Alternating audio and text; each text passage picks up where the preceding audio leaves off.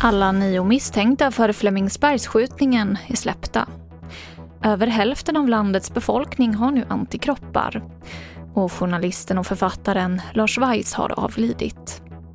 TV4-nyheterna börjar med att de nio personer som är misstänkta för skjutningen i Flemingsberg har försatts på fri fot av åklagare. Men misstankarna kvarstår. Vi hör chefsåklagare Stefan Kreutz.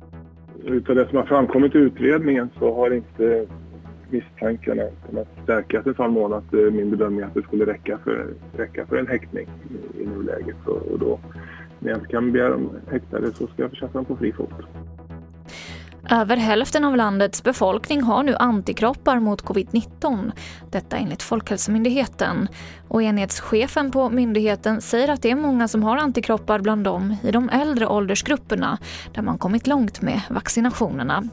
Bland barn och unga upp till 19 år så har 28 procent antikroppar.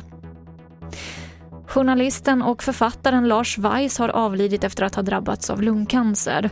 Lars Weiss har haft en lång karriär inom mediebranschen där han bland annat tidigare arbetat på Aftonbladet, var chef för SVTs Aktuellt år 1989 men lämnade efter ett år för att starta nyhetsverksamheten på TV4. Lars Weiss blev 75 år gammal. Och vi avslutar med att vi klockan tre i eftermiddags så lyfte världens rikaste person, Amazon-grundaren Jeff Bezos, mot rymden. Några minuter senare så landade han i västra Texas.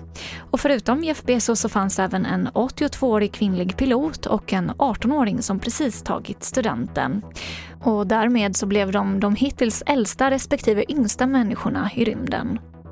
Och det här var det senaste från TV4 Nyheterna. Jag heter Emily Olsson.